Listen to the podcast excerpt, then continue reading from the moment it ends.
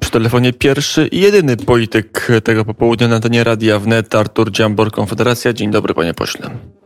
Dzień dobry, panie redaktorze, dzień dobry państwu. No i jak e, skrajna polska prawica żegna rok 21? A czemu skrajna polska prawica? Ja jestem prostym wolnorynkowcem. Ja bym chciał, żeby podatki były jak najniższe. Więc powiedzmy, że z umiarkowanym optymizmem patrzę w przyszłość. Rząd nasz zaczął słuchać wolnorynkowców i na koniec obok beznadziejnych ustaw wprowadził również te lekko obniżające niektóre podatki. To znaczy, że zaczynają się wreszcie uczyć i rozumieć, w którą stronę trzeba iść. Życzę im przez cały następny rok co miesiąc słuchać Konfederacji. I co myśleć, obniżać podatki aż do zera i wtedy nie będzie państwa i będzie w końcu dobrze. Nie, to bez przesady. To nie chodzi o to, żeby obniżać podatki do zera, ale uczciwa była kiedyś dziesięcina, a potem zaczęto przy niej majstrować i jakoś to się źle skończyło. No tak całkiem serio, no to państwu potrzebne Panie, są te nie, nie, nie, nie, tak to, naprawdę to, tylko na niektóre rzeczy. Zostańmy w tym e, porównaniu historycznym pół serio. Dziesięcina była e, może i e, w tym sensie dobra, że tylko 10%, ale nie od dochodu, tylko od przychodu. Myślę, że nie jeden przedsiębiorca, tak. jakby usłyszał, że ma zapłacić 10% przychodu, to złapałby się za głowę, więc nie wiem, czy to porównanie jest aby no. najlepsze. Panie pośle. Niechby zapłacił 1% od przychodu. Akurat podatek przychodowy to jest jedna z koncepcji ekonomicznych promowana przez profesora Gwiazdowskiego czy mecenasa Jacka Wilka. I ja byłbym nawet zwolennikiem takiego rozwiązania. Myślę, że na poziomie 1% moglibyśmy się zastanowić nad wprowadzeniem czegoś takiego, ale to byłaby e, prawdziwa bomba atomowa na, e, na, scenie, na scenie nie tylko politycznej, ale też przede wszystkim ekonomicznej, więc pozostawmy to na razie w sferze modelu ekonomicznego, ale jest to jest jakiś cel, do którego można dążyć. Kiedyś już taką rozmowę umówić, żeby sobie pofantazjować, jak powinien wyglądać system podatkowy. Może byśmy nawet napisali w Radio Wnet nową ordynację podatkową i to byłoby ciekawe, ale 29 grudnia to, to jest taki moment, który... jednym z wymienionych przeze mnie panów. E, mam nadzieję, że chodzi o profesora Gwiazdowskiego, e, idąc, e, mhm. który zresztą kiedyś pracował przy tego typu pomysłach. Ale wracając do, naszego, do tak, naszej tak. końcówki roku, wiele osób mówi, że mamy na polskiej scenie jakieś przesilenie, że coś się zmienia. Czy pan poseł czuje wiatr zmian? Czy to jest ten moment, kiedy polska scena się przewróci na inną stronę, lewą albo prawą? Czy to jest tylko myślenie życzeniowe niektórych obserwatorów i polityków?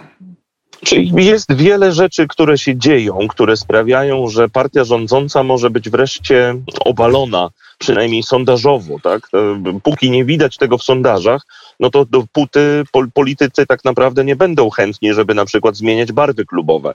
A to jest pierwsza oznaka tego, że coś się sypie. Dzisiaj Prawo i Sprawiedliwość ma większość sejmową na poziomie 232 głosów. I te 232 głosy to są w, tym, w tej liczbie jest trzech y, posłów y, Pawła Kukiza z Pawłem Kukizem łącznie i pan Mejza. E, więc e, właściwie można by powiedzieć, że bez Pawła Kukiza i jego dwóch kolegów nie ma rządu dzisiaj i nie ma większości sejmowej. E, jeżeli tak, to znaczy, że wystarczy kilku śmiałków, którzy odejdą od Prawa i Sprawiedliwości i rząd staje się rządem mniejszościowym, a to oznacza koniec, ponieważ nikt nie chce utrzymywać się jako rząd mniejszościowy, bo rząd mniejszościowy ma związane ręce. Więc w ciągu tego roku może się zadziać wiele rzeczy. Już kilku posłów zdążyło z Prawa i Sprawiedliwości odejść i utworzyli chociażby koło Polskie Sprawy dzisiaj, tak? E, więc, e, więc zobaczymy, co się będzie działo w nowym roku. Na razie wiemy doskonale, że czeka nas naprawdę ogromny problem e, związany z podwyżkami prądu, gazu, ale też i normalnego życia, inflacji, która właściwie całkowicie zniszczy efekt, który będzie dawała podniżka, podwyżka, przepraszam, najniższej krajowej, czy pozytywny efekt monetarny, że sam tak w sensie kwotowym na, na nowym wale, tak? czyli no, to, to, to, co rząd nazwał Nowy Ład. To im po prostu zwyczajnie nie wyjdzie. Teraz tylko pytanie, czy w okolicach lutego, marca podobne liczby ludzi wyjdą na ulicę, co, co wychodziły w obronie niewychodzenia Polski z Unii Europejskiej czy bronienia TVN-u. Zobaczymy, czy ludzie wyjdą, ponieważ zobaczą swoje pierwsze rachunki za gaz. Czekamy na to. Może tak będzie. Rachunki za gaz wzrosną około 40%, bo e, będzie niższy VAT, aczkolwiek to będzie dotkliwy e, wzrost. Tylko jak się patrzy e, na Europę, jak się patrzy na cały świat, to wydaje się, że to nie jest akurat wina rządu, że gaz rośnie, raczej Władimira Putina.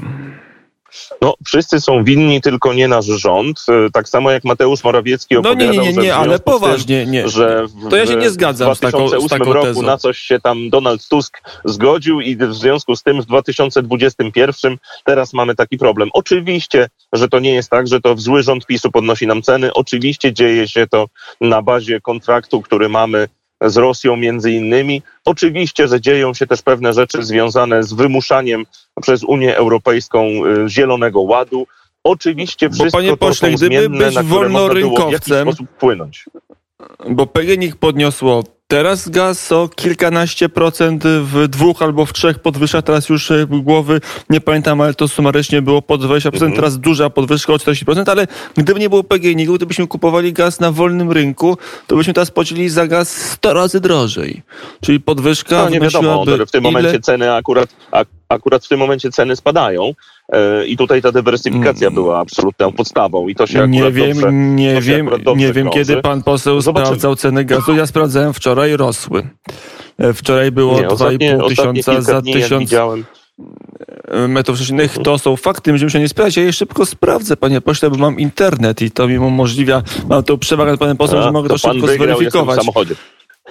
A właśnie, no, i to no, jest ta moja przewaga ziomków, ale, ale nieistotne. Razie... Gdyby nie PGNiG i gdyby nie ten bufor, e, to płacilibyśmy mhm. znacznie drożej niż rok temu. To chyba pan nie, zapr- no, nie zaprzeczy No temu. i jeżeli... Tak jak płacą jeżeli, Hiszpanie nie, czy Niemcy. Nie, natomiast wiedząc, natomiast wiedząc o tym, jak gigantyczne będą te podwyżki, bo to no, teraz mamy cały czas publikacje, jak wyglądają w rzeczywistości te podwyżki e, cen. Cały czas w internecie właśnie dostajemy od z różnych miejsc, od przedsiębiorców przede wszystkim wielkopowierzchniowych terenów e, najemcy. To są, to są ludzie, którzy będą obrywali najbardziej. Można było się do tego jakoś przygotować. Te obniżki podatków, które zostały wprowadzone tymczasowo na 3 albo na 5 miesięcy, e, no oczywiście chwalebne, no my głosowaliśmy za tym, ja głosowałem za tym. E, to jest mały plasterek na ten problem, który się pojawi. No i zobaczymy, jak rząd będzie chciał ten problem rozwiązać. Ja mm, zaznaczam, że jest propozycja kompleksowa, czyli projekt ustawy Tanie Paliwo oraz projekt e, tarczy antyinflacyjnej Konfederacji. Część z niej już została spełniona, z czego się bardzo cieszę. Część jest w zapowiedziach, jak na przykład zerowy VAT na podstawowe produkty żywnościowe, z tego też się bardzo cieszę, mm, ale no, wciąż jesteśmy bardzo daleko od tego, żeby rzeczywiście czuć się jakoś chronionymi przed e, tymi ogromnymi podwyżkami. Widzę też, co się dzieje na rynku paliwowym i ja wiem, o co chodzi rządowi. Rząd ma nadzieję, że w ciągu kilku miesięcy cena baryłki ropy spadnie do tego poziomu, że nie będzie trzeba żadnych dalszych kroków robić. E, to też zobaczymy, e, też to obserwuję i mam nadzieję, że tak będzie. Oczywiście dla dobra nas wszystkich, a nie dla dobra PiSu, absolutnie. Mm, żeby ceny były niższe, aczkolwiek, aczkolwiek aktualnie obniżenie akcyzy do najniższej możliwej w Unii Europejskiej powoduje, że mm, e, ta szóstka z przodu zniknęła i e, ten bufor, mm, zanim na stacjach znowu będziemy szturmować tą magiczną granicę, która jest tą magiczną linią od czasu Donalda Tuska. 6 zł za litr benzyny znowu jest odległa, więc widać, że e, są możliwości działania, są możliwości realizowania pewnych postulatów. Mhm, tak, i bardzo dobrze. I tutaj akurat, y, akurat no nie, nie mogę krytykować, bo głosowałem za tym. Także ja się cieszę, że te kroki są wykonywane. Ja bym chciał, żeby one były wykonane co prawda bezokresowo, no bo w tym momencie mamy taką sytuację, że ustawa o obniżce tych wszystkich y, małych, małych kroczkach, które porobiono, żeby z 6 zł na 5,70 spadła cena paliwa, y, funkcjonuje do końca maja, przypomnę, czyli 30 maja tankujemy jeszcze za 5,70, jeżeli nic się na rynku nie zmieni, a 1 czerwca znowuż za 6 zł. Także, także no zobaczymy, ale tutaj liczę na to, że dojdzie do bezokresowego przedłużenia, podobnie jak podwyżka VAT-u miała być na dwa lata, okazało się, że trwa już 10 lat. Także, I nikt nie chce jej obniżyć. też powinna mieć analogiczne zasady do 22% z 23 przy telefonie Artur Dziambor, poseł Konfederacji.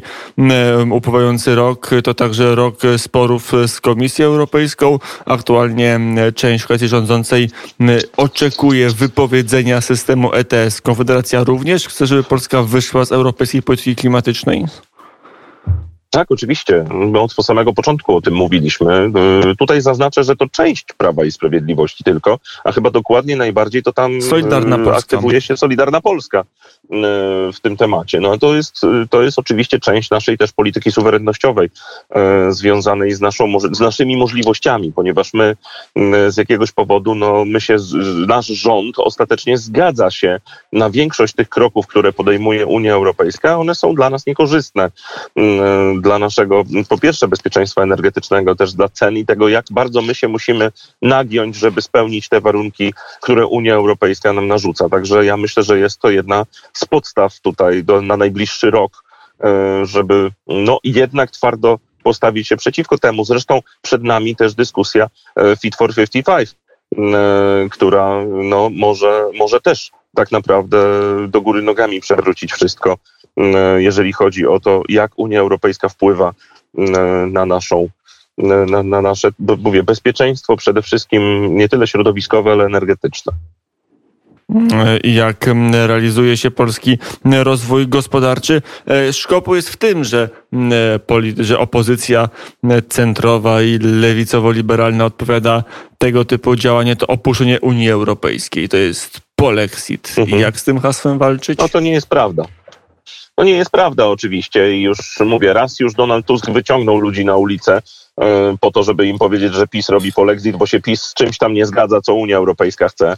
Ale przypomnę, że wszelkie związki międzypaństwowe nie mogą polegać na tym, że my się lubimy albo nie lubimy, tylko robimy interesy i to zazwyczaj te interesy muszą się kończyć win-win. E, a tutaj nie jest win-win, ewidentnie. I to trzeba wziąć pod uwagę i to trzeba mieć z tyłu głowy. I za każdym razem, gdy rozmawia się o polityce międzynarodowej, E, trzeba się zastanowić nad tym, co my z tego mamy, co nasi partnerzy mogą z tego mieć. Jeżeli jest tak, że my się mamy poddać, ponieważ ktoś ma takie widzimisię, żeby zrobić coś, e, z czym my się nie zgadzamy, no to z oczywistych względów jest to działanie dla nas e, niezgodne z naszą polską racją stanu, z naszym interesem. Jak, jak z tego wyjdziemy z tego małego kokonika, w którym my musimy nie podpadać wy większym i ważniejszym, to od razu jest łatwiej dyskutować, ponieważ tak właśnie robi się interesy. I y, tak y, się wygrywa w Unii Europejskiej, bo jak na razie Prawo Sprawiedliwość się opiera i wydaje się, że sukcesów na tej niwie jest niedużo, bo y, i sporo sądownictwo, i sporo kopalnie turów, tu wszędzie jest mhm. albo, albo stagnacja, albo klęska lub wycofanie się z prób reform.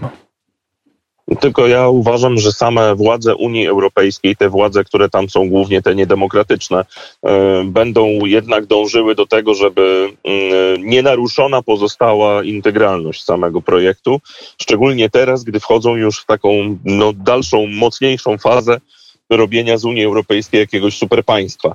E, więc, e, więc zagrożenia wyjściem Polski z Unii Europejskiej przy poparciu e, społecznym na poziomie 80-85% dla, dla, dla naszej obecności w tym projekcie nie ma. I nikt o tym w tym momencie nie dyskutuje, ponieważ wiemy doskonale, że jesteśmy bardzo daleko od tego. E, więc, więc nie ma o czym dyskutować, nie ma sensu budzić niepotrzebnych emocji, takich emocji, które są właśnie całkowicie fałszywe, które, powtórzę jeszcze raz, próbowała urodzić Platforma Obywatelska w tłumie, który zebrali kiedyś tam na ulicy parę tygodni, parę tygodni temu w tym temacie. E, myślę, że to jest kwestia naprawdę bardzo twardych negocjacji. Unii Europejskiej też zależy na naszym rynku, zależy na naszych pracownikach. To jest też bardzo ważna rzecz. E, my jesteśmy nie dość, że gigantycznym rynkiem konsumenta, to jesteśmy też bardzo atrakcyjnym rynkiem pracowników wysoko wykwalifikowanych. Więc, e, więc tutaj no, ja bym jednak spał spokojnie, jeżeli chodzi o to, co Unia Europejska, a to, że nasi politycy nie są poprzyjaźnieni jakoś z politykami e, z, z, czołowymi Unii Europejskiej, no to Jezu, trudno. No, my się tam nie mamy lubić. My mamy tam wychodzić zwycięsko w dyskusjach o tym, jak nasze interesy są chronione. Mm, I mamy e, wygrywać swoje racje, ale także swoje pieniądze. Prawo i Sprawiedliwość obiecywało, że na pewno prędzej czy później pieniądze z Krajowego Planu Odbudowy do Polski trafią. Nie trafiają przez ten opór, czy Konfederacja? Czy pan poseł działałby podobnie, czy, czy, czy działałby inaczej? Jakby się Konfederacja sytuowała w kwestii Krajowego Planu Odbudowy? Nie, sytuacja jest dosyć dziwna, ponieważ y, mamy wrażenie, przecież my krytykowaliśmy to, y, jak y, premier Morawiecki się zgodził praktycznie na wszystko, co Unia Europejska chciała. W lipcu te, z ubiegłego roku, przypomnę, kiedy on wracał z triumfem wielkim, który odniósł, a my jedynie mówiliśmy, że to nie jest żaden triumf, bo nie dość, że się zgodził na unijne podatki, to jeszcze się zgodził na powiązanie to z tak zwaną praworządnością i mówiliśmy, że im to wypali w pewnym momencie w rękach i właśnie wypaliło. E, zostali zmuszeni do likwidacji Izby Dyscyplinarnej. Najpierw machali tam drewnianą szabelką, żeby pokazać, że oni się nie dadzą, a dwa tygodnie później e, już się okazało, że jednak ta Izba Dyscyplinarna to nie spełnia swoich, swoich e, tutaj założeń i jednak trzeba coś z nią zrobić. Były zapowiedzi likwidacji, ta likwidacja jest niedopełniona, a od tej likwidacji tej Izby jest uzależnione zgodnie przynajmniej z przekazem oficjalnym jest uzależnione to, czy Unia Europejska będzie rzeczywiście wypłacała nam kolejne transze e, tych pieniędzy. No nie wiem, co rząd zamierza z tym zrobić. Ja osobiście uważam, że ta Izba Dyscyplinarna faktycznie powinna zostać zlikwidowana i te, w ogóle całe sądownictwo powinno być ułożone inaczej. Natomiast absolutnie nie zgadzam się na to, żebyśmy my byli jako państwo szantażowani przez Komisję Europejską w taki sposób, w jaki jesteśmy w tym momencie w przypadku tejże Izby, ponieważ ta praworządność jest tak hasłowa i tak nieodczytywalna, ona jest niezapisana w żaden sposób, mm, całkowicie uznaniowa, że może się okazać, że Unia Europejska będzie taki szantaż na Polsce mm, przeprowadzała za każdym razem, gdy coś nie będzie im tam pasowało. I w ten sposób może dojść do pewnego paraliżu, ponieważ Polska jest uzależniona w dużym stopniu od tych funduszy. Mm, jednak plany budżetowe są, e, są takie, że one uwzględniają to, że te pieniądze przyjdą, e, więc, więc nie może sobie Polska pozwolić na to, żeby tych pieniędzy nie dostać. A z drugiej strony, no, Komisja Europejska mówi, no ale chcecie te pieniądze, to musicie być grzeczni. A no, nam nie chodzi o to, żebyśmy spełniali wymagania Komisji Europejskiej co do tego, jak wygląda w Polsce prawo, bo to o to się rozchodzi. Jak my w Polskę sobie urządzamy. No my nie chcemy sobie Polski urządzać tak, jak sobie wydaje się politykom hiszpańskim, holenderskim, belgijskim, niemieckim, że Polska powinna wyglądać. I to o to chyba chodzi od, tej, od samego początku. O suwerenne państwo, no to... które jest w pewnym związku biznesowym. No to e, na koniec e, kwestia prognoz na przyszłość, rok 2022. Jaki będzie w polskiej polityce, co nas zaskoczy, co będzie głównym leitmotivem tego roku, który przed nami? No, ja y, mam nadzieję oczywiście, że szybko skończymy z, y, z COVID-em i z tym problemem związanym z lockdownem, z naszym zdrowiem. Następnie będzie czas na odbudowywanie naszej ochrony zdrowia, ponieważ wiemy doskonale już, mamy zdiagnozowane wszystkie wady, które są w tym systemie. Ale najważniejsza rzecz, która będzie się działa obok zdrowia, to będzie jednak y, nasza majętność, czyli inflacja, czyli podatki.